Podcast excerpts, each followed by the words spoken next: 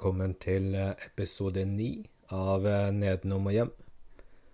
Og eh, i dagens episode så skal vi tilbake til Nord-England, Manchester, 1979.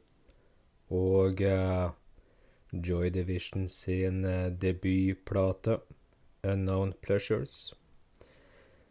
Med meg i studio så har jeg min gode, gamle venn, og eh, gjennom mange år Jeg håper jeg uttaler navnet riktig. Knut? Nei. Hei, Knut. Nei.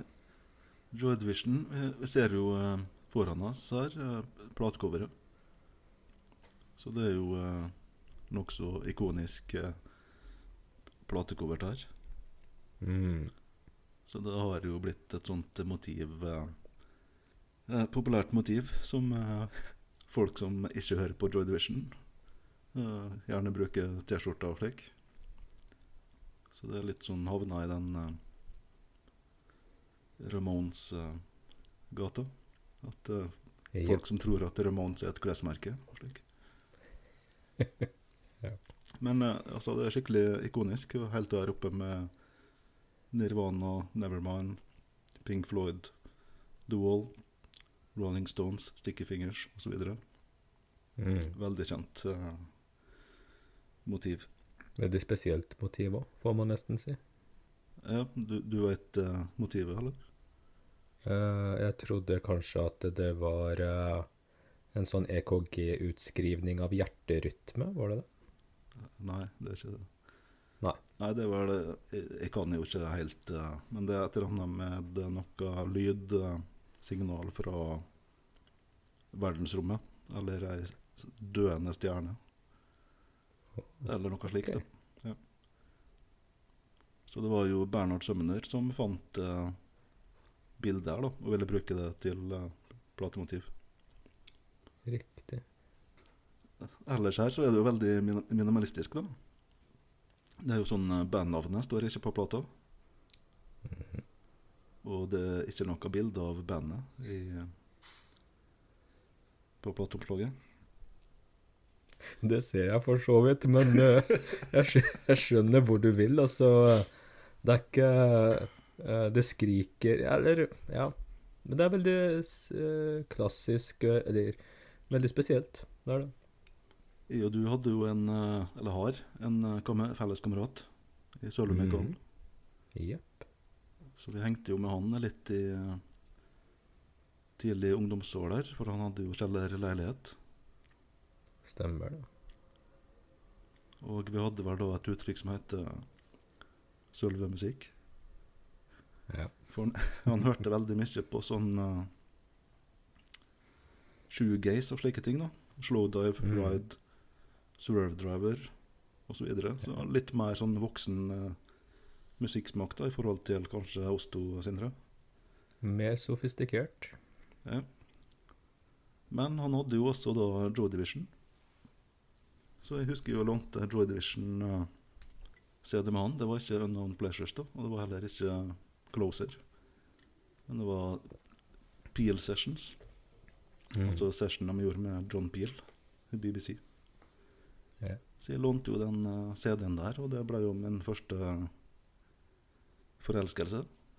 Jeg husker ikke om det var sånn til 15- eller 16-årsdagen, så fikk jeg jo eh, innramma plakat av Ian Curtis i bursdagsgave av foreldrene mine. Og den eh, plakaten har jeg jo fortsatt hengende i stua nå. Så den, den har fulgt med Den har fulgt med gjennom livet så langt. En eh, sliten Ian Curtis etter konsert. Ja. De står der her.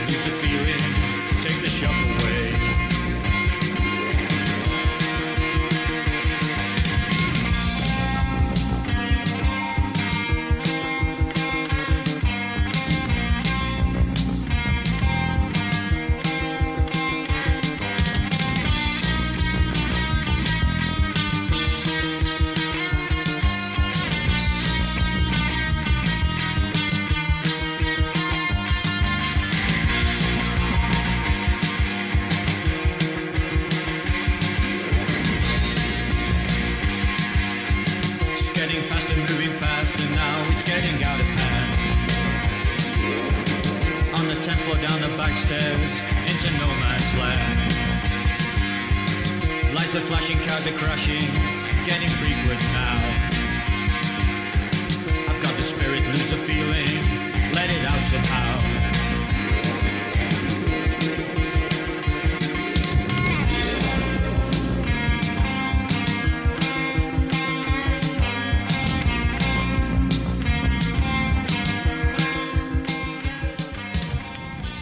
opening Åpningssporet på Unknown Pleasures.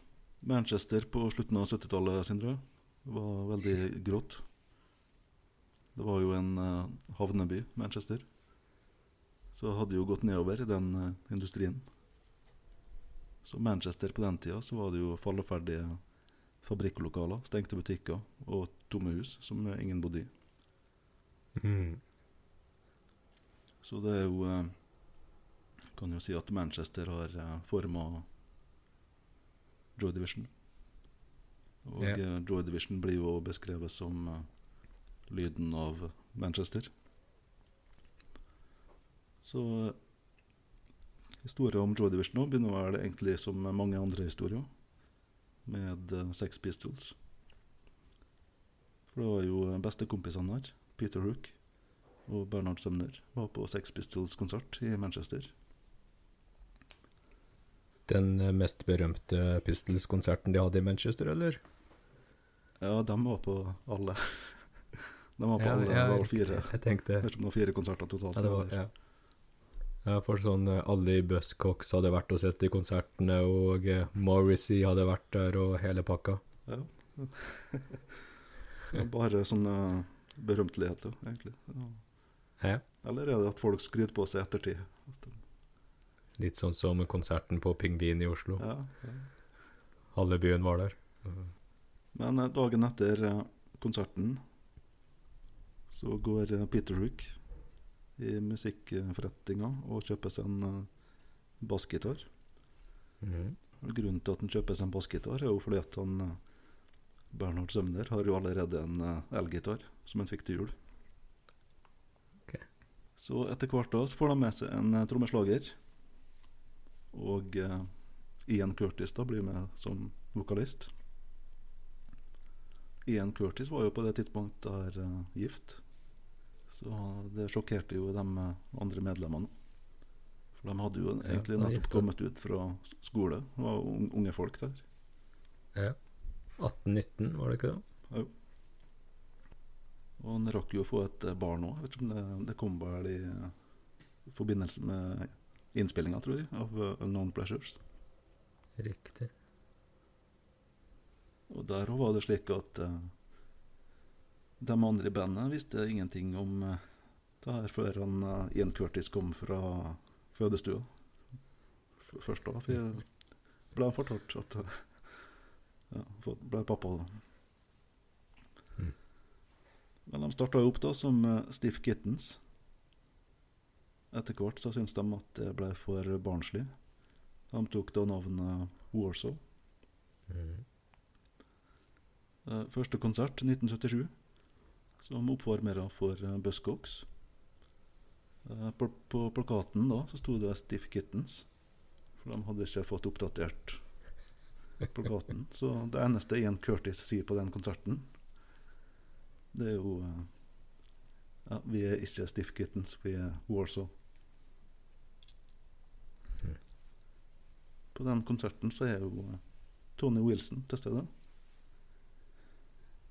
Tony Wilson som eh, senere skulle bli sjef for uh, Factory Records. da. Yeah. Etter hvert her så slutta den uh, originale trommeslageren. Og inn da kommer uh, Stephen Morris. Mhm. Morris var jo mye flinkere enn uh, trommeslagerne de hadde før. Han hadde jo tidligere spilt i, i jazzband. Så han hadde liksom den uh, finessene fra jazz. Samtidig som han hadde ja, råskapen og energien da, så i, i punk. Så første konserten med Stephen Morris var på Erics i Liverpool. Okay. Der har jeg og du vært, eh, Sindre. Uh, ja, jeg tror jeg husker det stedet. Vi var innom der og tok oss noen øl. Ja. For den eksisterer. Og der det var litt sånn emo-folk og sånn, ja. Eller? Det husker jeg ikke egentlig. jeg husker ikke klientellet der, altså, men, eh, for det var, det var jo en vanlig dag til her. Det var ikke noe konsertdag sånn eh, den dagen. Ok. Men eh, i hvert fall Erics der eksisterer ennå. Um, og det ble jo en av favorittplassene til uh, Joy Division. Uh, utover høsten 1977 så blir bandet frustrert over at de ikke har fått uh, platekontrakt. Så de bestemte seg for, da for å gi ut en singel sjøl. Yeah. Og uh, de tok jo opp da lån i en bank, eller eh, det vil si Ian Curtis tok opp et lån. Han sa han skulle bruke det på møbler. Mm. Og uh, de forandrer også navn da, fra Warsaw til Joy Division. Og det var pga. på grunn av et eh, annet band som heter Warsaw Pact, som holdt i London, som Riktig. eh, var aktiv på rundt samme tid. Så han ville ikke, da, ville ikke bli forveksla. Så da kom eh, singelen, 'An Ideal for Living'. Fire låter. Lyden var jo på den tida sånn mer sånn klassisk punk. da. Så når de fikk plata, da, så stussa de på at det var dårlig lyd. Så liksom de satt på plate etter plate, og det var like ræva lyd på alle. Så de klagde jo på da. Men eh, de fikk jo da vite at det var pga. at de hadde fire låter på singelen. Det vanlige er jo to låter. Aha. Aha.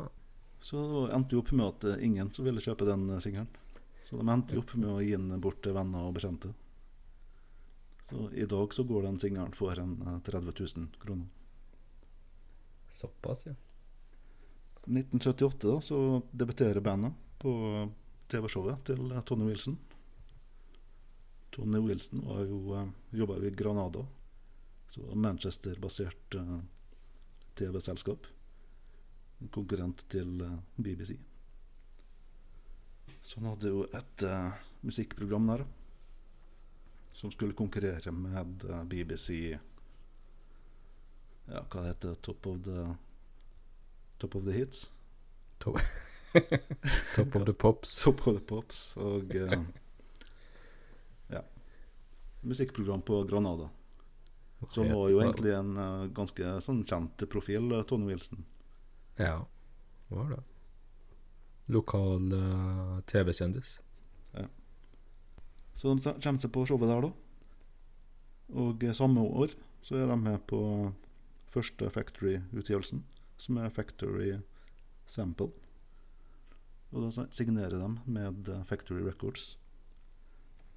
Og eh, spiller inn da Unknown Pleasures med Martin Hennett som produsent.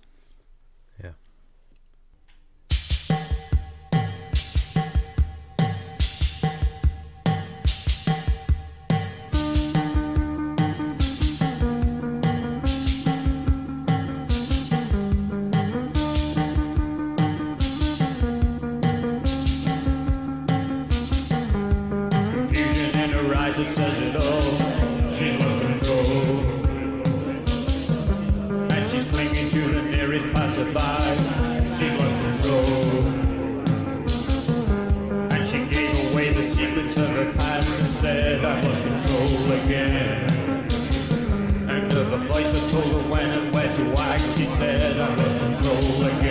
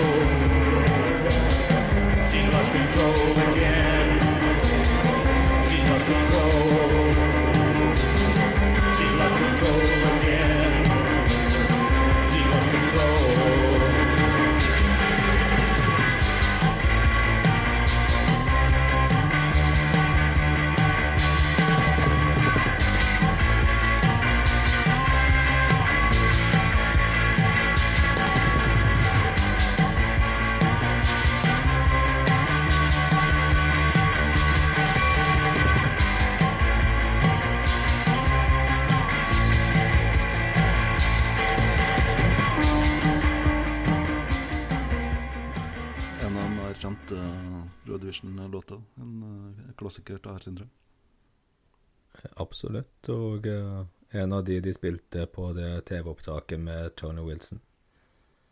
Ja, det er jo sånn eh, når, når jeg hører på Joy Division, når jeg har hatt en liten pause, så blir jeg sånn overraska hver, hver gang.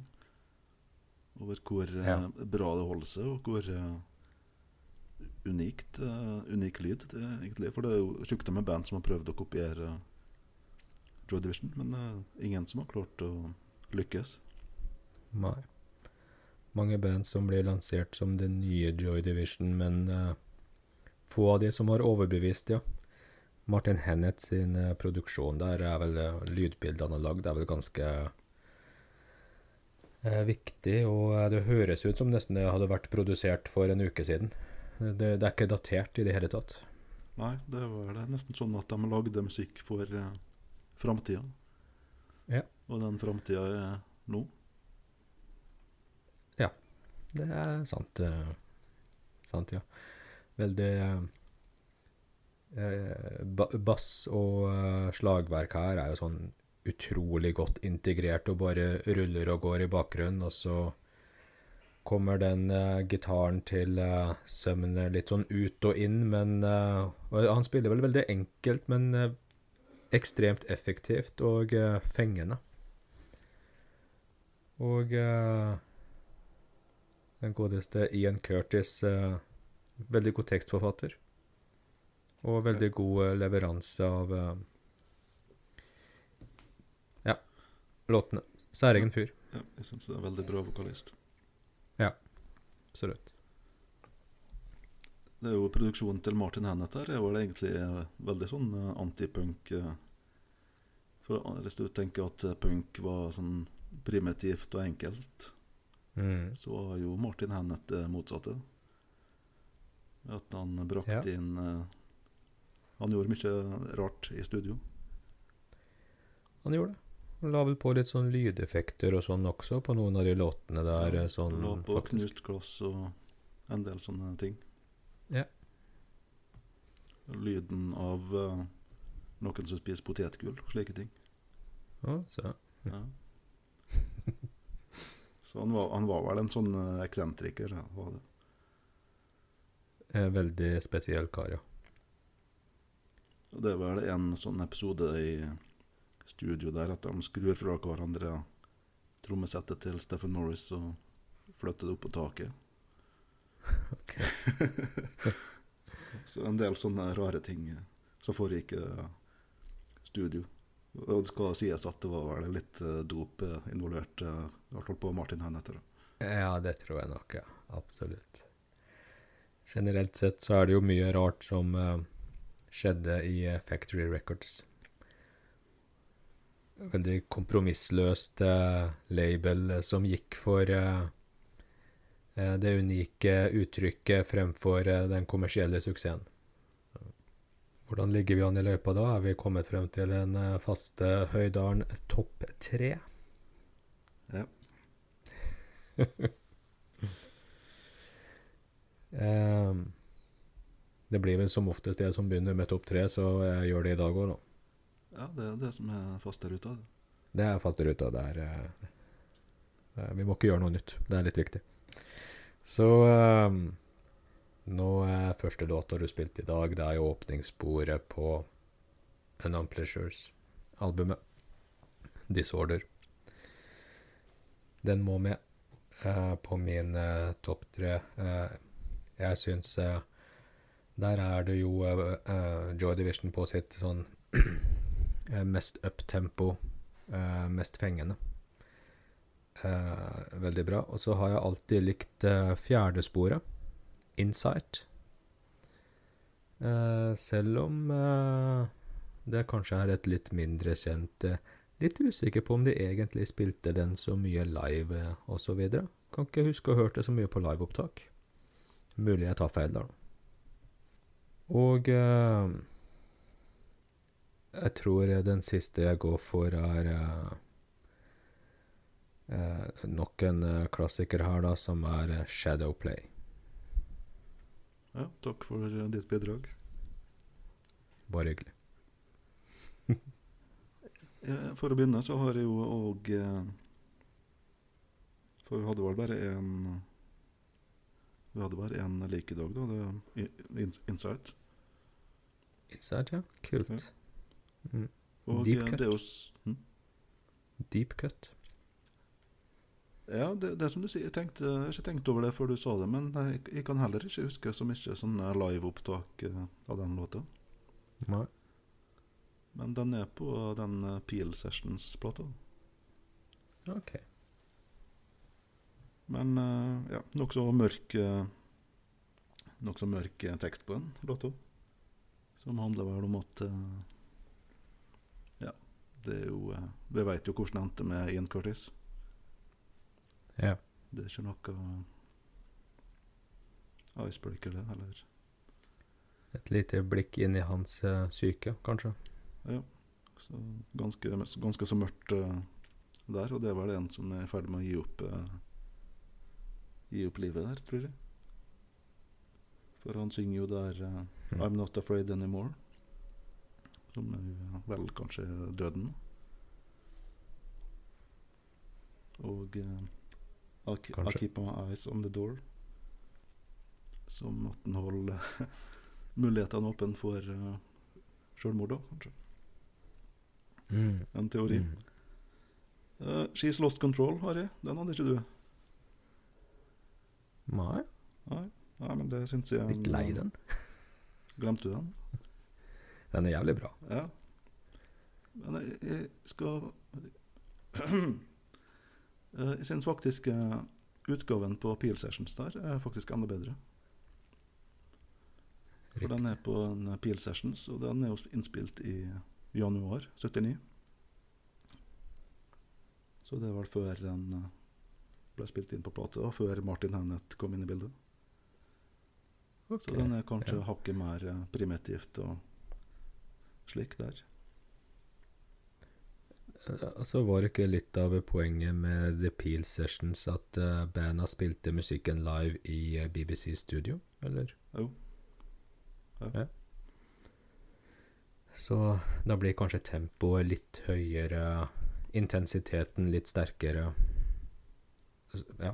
Ja, og, og jeg må si at uh, Ian Curtis synger jævlig bra på den uh, Peel Sessions. Det er det kanskje det beste han har gjort. Hm. Veldig bra framførelse. Eh, siste låta, eller siste favoritten min, da. sto det mellom eh, to låter. Shadowplay eller New Dawn Fades. Som, Mm. som jeg føler sånn ligner litt på hverandre. Litt samme stil. Yeah. Jeg endte da opp på New Dawn Fades. Veldig bra låt. Da er jeg klar for eh, fun facts. Jeg er alltid klar for fun facts. Hold fast. Hold brillene. Produsenten her, Martin Hannett, pro- produserte Buzzcocks, sin Spilot Scratch EP i 1978. Han brukte da navnet Martin Zero. Han gikk jo videre da til å produsere både Unknown Pleasures og Closer for uh, Joy Division. Albumet Unknown Pleasures ble spilt inn i løpet av tre helger. Eh, Alle bandmedlemmer hadde jo dagjobber. Så ganske så kort tid på innspillinga. Eh, Albumet ble spilt inn i Strawberry Studios i Stockport, som eies av Eric Stewart og Graham Goldham. Det er begge medlemmer i bandet 10cc.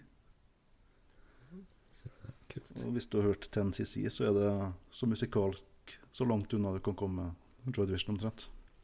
Ja. Ian Curtis spilte inn vokalen i One Take. Og han spilte alltid inn vokalen med lyset slått av i studio. Ja, ok. Uh, vi snakker om vinylutgava her, første utgave. Ja. Så ser du at uh, det er ikke side A eller B. Det står 'inside' på ene sida og 'outside' på andre. Og hvis du ser nøye etter, da, så er det skravert inn en tekst i runout-området på vinylen. Så på 'outside' så står det da 'This is the way'. Og hvis du snur plata, så står det 'Step inside'. Og det er jo tekster til eh, låta 'Atrocity Exhibition'. Eh, det var jo en låt de spilte live i 1979. Men den kom jo ikke med før neste album, 'Closer'. Det var det åpningslåta der. ja, stemmer det. Så det var et hint om eh, hva som kom. Eh, Yorkshire Ripper, kjenner du? Ja, seriemorder. Det er jo, ligger jo en veldig bra dokumentar faktisk på Netflix. Ja. Jeg anbefaler den. Eh, Joy Division turnerte jo i byer som eh, Bradford, Huddersfield, Leeds og Manchester. Det er jo nordøst-England. Mm. Og det var jo tilfeldigvis de samme byene som eh, Yorkshire Ripper herja i, og begikk brutale drap. Det var jo totalt eh, 13 kvinner der som ble drept mellom 1975 og 1981. Så eh, det var jo sånn at bilen til eh, som Joy Division kjørte rundt med, ble jo lagt merke til. Ja. Og eh, publikum tipsa jo politiet om den bilen. Så politiet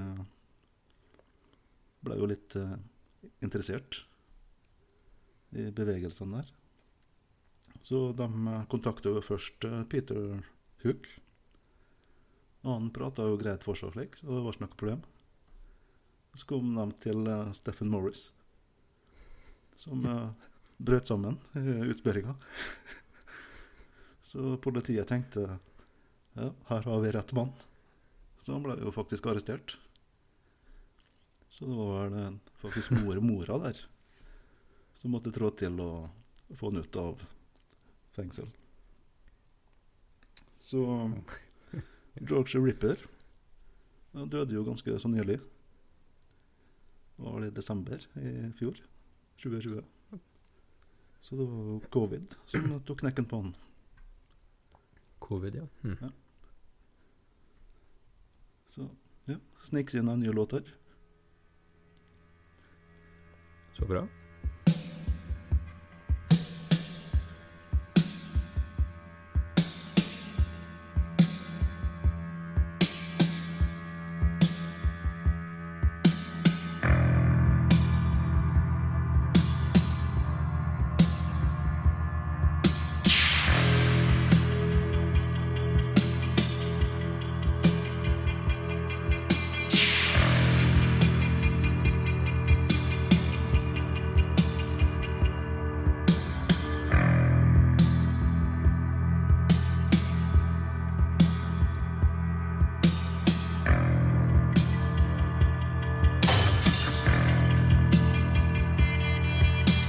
We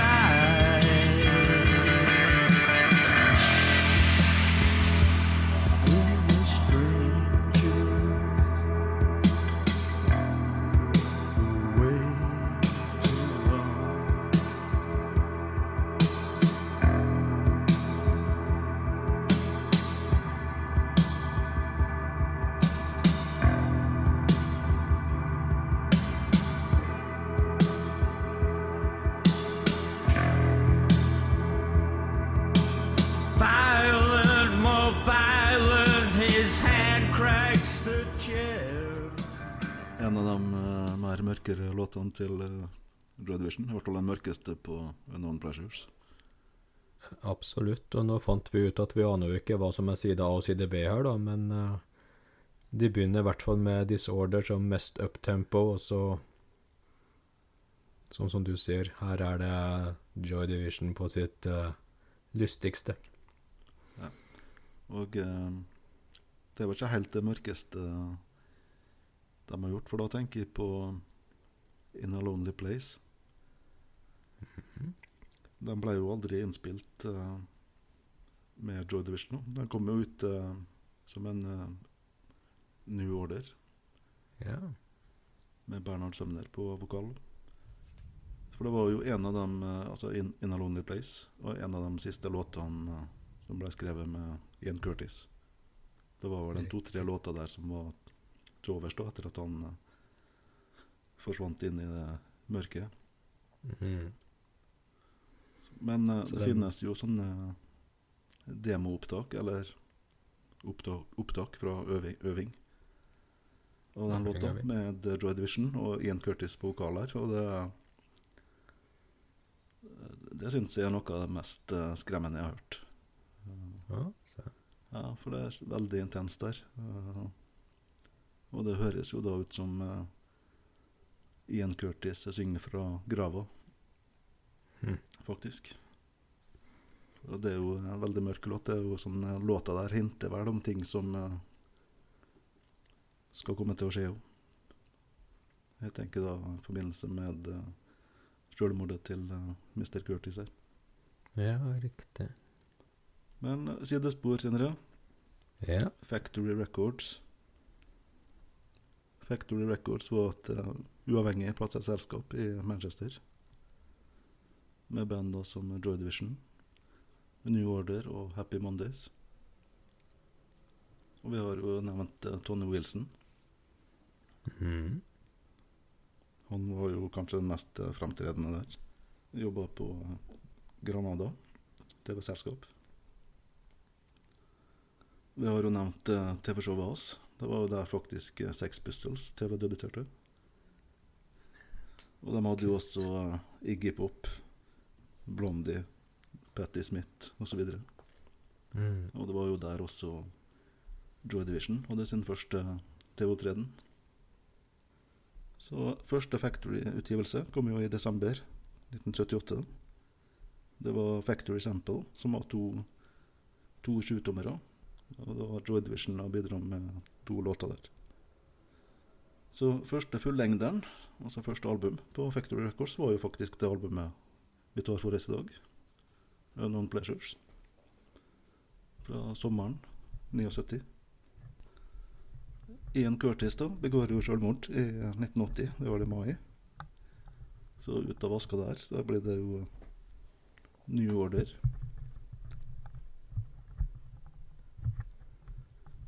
Har du tekniske problemer? Ja, der var du ute på Jeg må fikse meg et nytt headset til deg. Du falt ut litt hos meg, men uh, du gikk ut til lytterne, Knut. Det er det viktigste. Nå er jeg tilbake igjen.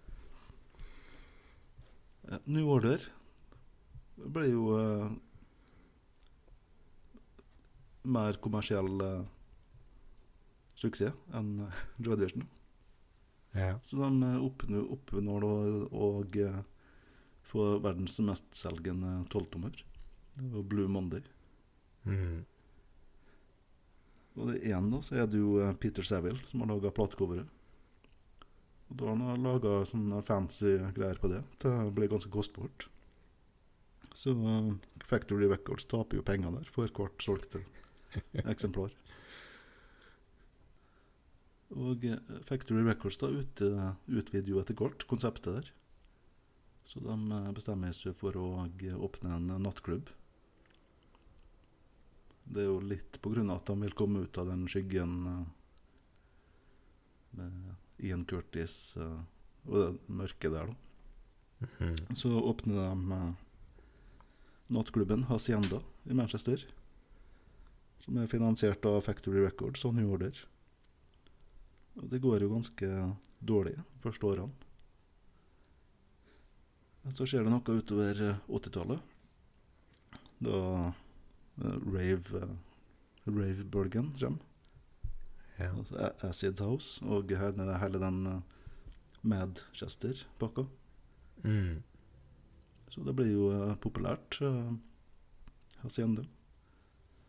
Men eh, problemet da er at eh, ecstasy har kommet på markedet. Så alle går jo rundt og knasker ecstasy. Det er ingen som kjøper seg drinker i baren. Så det, det går jo dårlig økonomisk. Så det er sagt at eh, Hacienda da tapte eh, 100 000 pund i, i uka. Såpass, ja. Så det Hacienda da, og stengte jo dørene til slutt da, i 1997. Men da hadde det vel gått eh, ganske dårlig noen år. De stengte vel først i 1991. For problemet der var jo igjen eh, altså ecstasy og den doppakka. At det ble litt sånn uh, problem med uh, gjenger og slik. Banditter. Så det var noen sånne episoder med uh, Ja, det var noen episoder med og skyteepisoder og knivstikkinger, faktisk. Jeg spilte du i et band i Manchester på 80-tallet, så gikk du til Factory Records. Riktig. Men så er det jo et par unntak, da. Eh, The Smiths Ja. kom jo aldri på Factory. Og det har vel en, uh, Tony Wilson uttalt i ettertid, at det uh, største tabben han har gjort. Okay.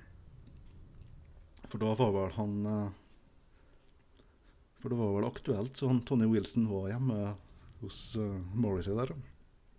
På, på soverommet hans. Men eh, han oppfatta vel Morris Morris da som en litt sånn raring.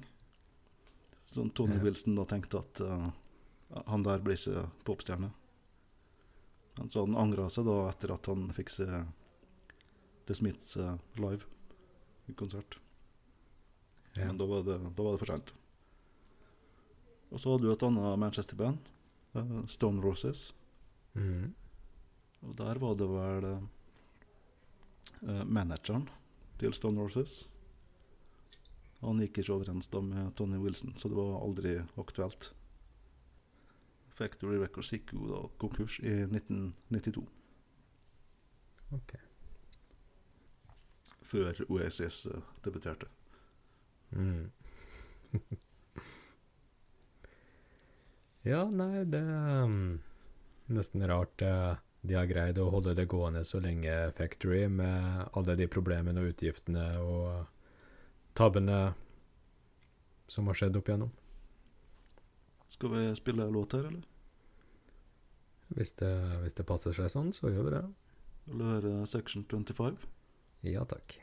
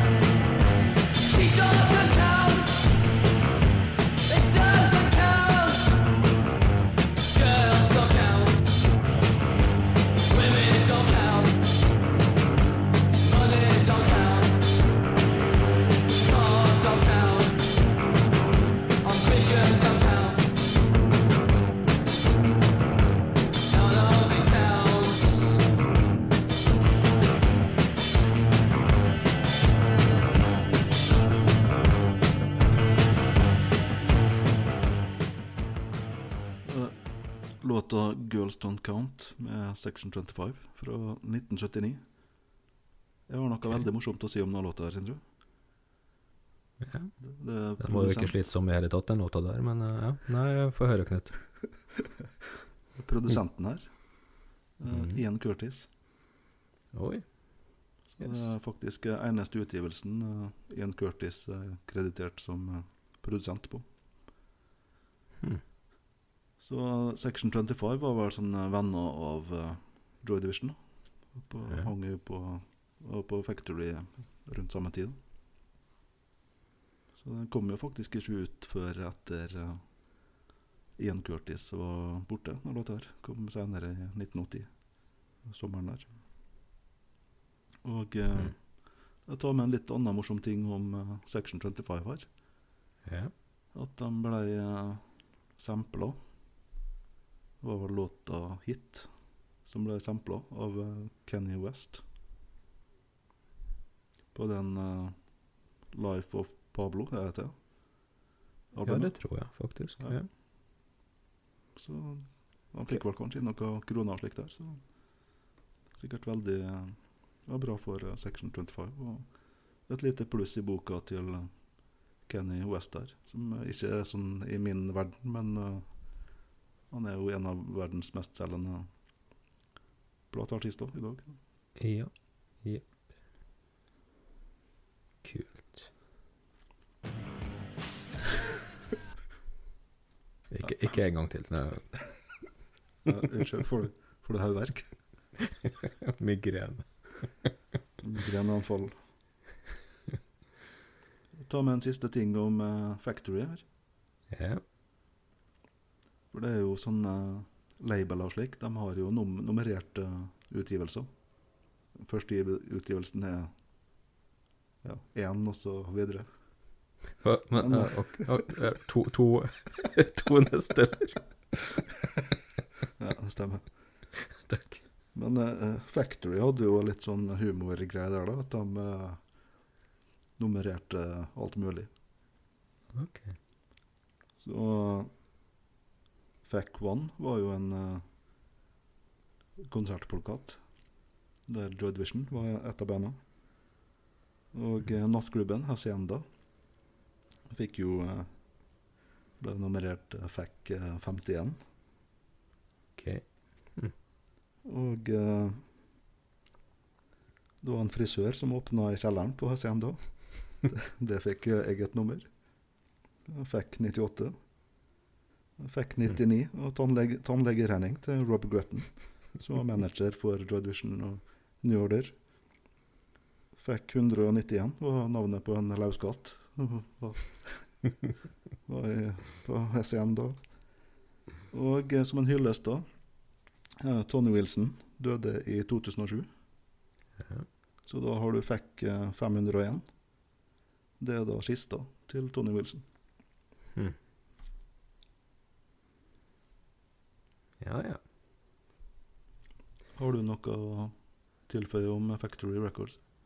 Eh, nei, eh, jeg har vel ikke egentlig det. Eh, veldig gjennomgående design på mye av det de har gitt ut, da. Ja, for det var han eh, Peter Saville var vel den Han jobba jo i eh, Factory Records, så de hadde vært fast designer der. Skjønner. I hvert fall de eh, første, første årene. Og eh, ja, et av eh, de store uavhengige plateselskapene sammen med, ja, jeg vet ikke, Creation kanskje, Alternative Tentacles, sånne ting. Eh, men eh, vi kan vel kanskje si at eh, vi eh, for første gang i Nedenom og Hjems historie kommer til å kjøre en dobbeltepisode her. Så vi skal fortsette med Joy Division uh, i episode 10. Ja, da blir det Closer. Da blir det closer. Er vi ferdige, eller? eh? Jeg tror jeg skal runde av da. Da gir vi oss uh, for denne gang. Adjø, adjø.